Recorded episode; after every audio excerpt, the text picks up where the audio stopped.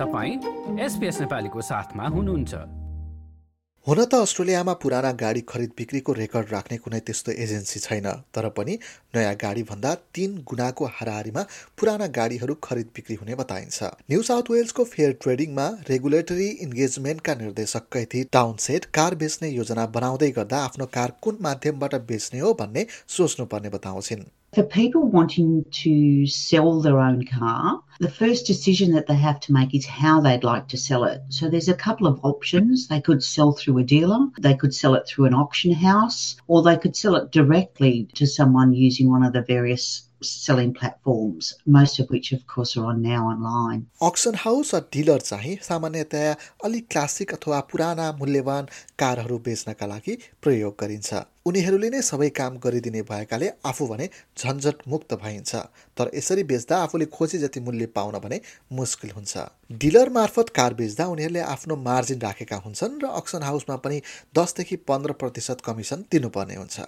व्यक्तिगत रूपमा बेच्नु परे चाहिँ के गर्ने त व्यक्तिगत रूपमा बेच्ने हो भने चाहिँ रजिस्ट्रेसन सम्बन्धी कागजातहरू तयारी अवस्थामा राख्नुपर्ने बताइन्छ Any buyer is going to want to verify the vehicle against the registration papers, and they may even ask to verify that you are the actual owner. So, ask, for example, your license to verify that. They'll also want to check the vehicle details. So they may want information such as the VIN or chassis numbers, which are available on the registration papers. And this is mainly so that they can do a check to see if there's any money owing on the car through the personal property and securities register. व्यक्तिगत रूपमा car बेच्दै गर्दा कारको वास्तविक अवस्था भने खुलाउनु जरुरी हुन्छ कारा फेला कार सेल्स नामक अनलाइन मार्फत कार बेच्न मद्दत गर्ने कम्पनीकी कन्ज्युमर मार्केटिङ म्यानेजर हुन् उनका अनुसार पुरानो कार बेच्दै गर्दा पारदर्शिता निकै महत्त्वपूर्ण हुन्छ It's all around transparency, so being transparent and upfront in conversation and in the comment section of your listing about the car's history and any imperfections that the buyer might like to be made aware of. And this will really help when you do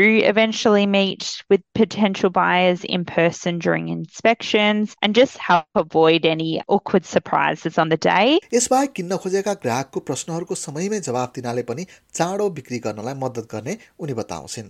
कतिमा बेच्ने भन्ने बारेमा पनि अनुसन्धान गरेर ठिक मूल्य राख्दा ग्राहकहरूलाई आकर्षित गर्न सजिलो हुन्छ We know that buyers are very switched on. They do their research. So if you're serious about selling, try and price your car within the recommended range, which would be around that true market value to help you attract interest. The next tip is around negotiations. There are buyers that do like and enjoy the opportunity to negotiate the price. So it's always worth considering this when setting your price. And if you can allow a little bit of wriggle room in your listing price to allow for negotiations. Alex Farrant Western अस्ट्रेलियाको royal automobile club आरएसीमा vehicle and फ्युलका manager हुन् उनका अनुसार car बिक्री गर्नुभन्दा पहिला car ठिक अवस्थामा छ कि छैन भनेर पनि विचार गर्नुपर्छ मर्मत सम्भार गर्दा सम्भावित ग्राहकसँग मोलतोल गर्न सजिलो हुने उनी बताउँछन् Often that you see that in advertisements as well. So you know the car's just been serviced, it's got new tyres, and that's uh,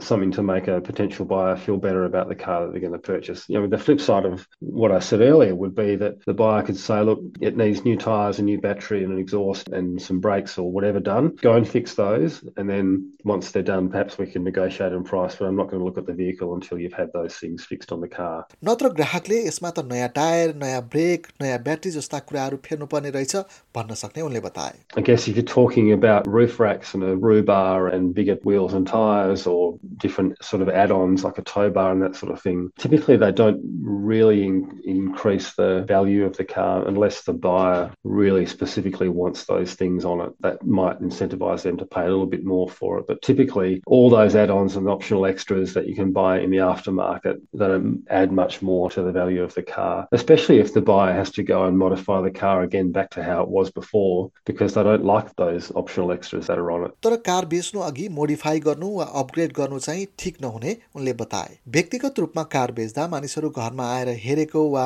test drive गरेको कसैलाई मन नपर्न पनि सक्छ फेलाको अनुभवमा कार बेच्दा आफन्त वा पारिवारिक सदस्यलाई लिएर गए सजिलो हुन्छ That's another little tip there. You can have a friend or family member with you. With a test drive, you can arrange to meet the buyer in a public place, for example, a shopping centre car park where there are people around. You can ask to hold on to their car keys for the car that they drove to meet you, or even hold on to their driver's license, just as a bit of security when going on the test drive. And you can also go in the test drive with the तर तपाईँ बस्ने राज्य वा प्रदेशमा आधारित भएर बेच्नु अघि तपाईँले त्यहाँको नियमअनुसार सडकमा गुडाउन योग्य छ कि छैन भनेर रिपोर्ट पनि बनाउनु आवश्यक हुन सक्छ। फरेस्टका अनुसार भिक्टोरियामा गाडी किनबेच गर्दा रोड ओर्दी सर्टिफिकेट चाहिन्छ। तर वेस्टर्न अस्ट्रेलियामा त्यसको आवश्यकता पर्दैन in Victoria, whenever a vehicle is bought and sold, it needs to come with a recent roadworthy certificate, and that's not required in Western Australia. So there's a significant difference in the vehicle checks that are required by law across the different states in Australia, and then there are also the vehicle mechanical and condition checks that are not mandated, but they are highly recommended for people who are looking to buy a used car. यसै गरी mechanical जाँच आवश्यक पर्ने भए पनि यो चाहिँ अनिवार्य छैन।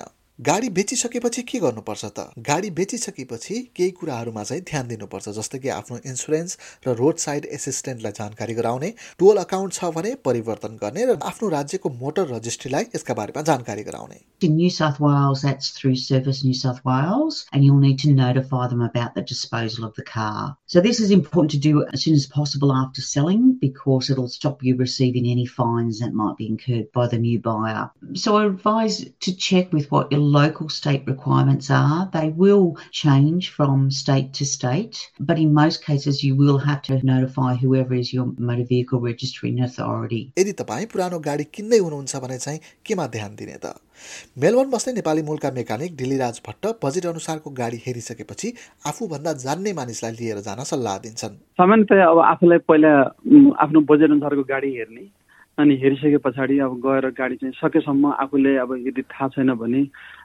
आफ्नो साथीभाइहरू यताउति जसलाई अलिक गाडी सम्बन्धी राम्रो नलेज भएको छ उसलाई लगेर गाडी देखाउने अब गाडी यसो हेर्ने वरिपरि गाडीमा कहीँ तपाईँको अब क्रास भएको छ कि कहीँ डोरहरू राम्रोसँग क्लोज भएको छ कि छैन बुटहरू क्लोज भएको छ कि छैन फ्रन्टको बोनेटहरू राम्रोसँग लक भएको छ कि छैन किनकि अब सयको स्पिडमा गाडी फ्रीमा कुदाउँदाखेरि कहीँ बोनट अनलक भएर खुलिदियो भने पुरै पुरै तपाईँको एक्सिडेन्ट डेफिनेटली एक्सिडेन्ट हुन्छ होइन? त्यसदेखि लिएर अगाडिको विन्डस्क्रिनको ग्लासहरू फुटेको छ कि छैन साइड विन्डो ग्लासहरू चाहिँ अप एन्ड डाउन भइरहेको छ कि छैन यदि मेनुअली हो या इलेक्ट्रिक हो जे भए पनि फङ्सन राम्रोसँग भएको छ कि छैन सिट बेल्टहरू राम्रोसँग लक भइरहेको छ कि छैन अनि अबदेखि लिएर अब गाडी चाहिँ अटोमेटिक अब सुरु सुरुमा आउँदाखेरि मान्छेलाई मेनुअलको त्यति मेसो पाएको हुँदैनन् उनीहरूलाई। अब हुन त नेपालमा सिकेर आउनेहरूले प्रायः मेनुअल नै सिकेर आएका हुन्छ नि।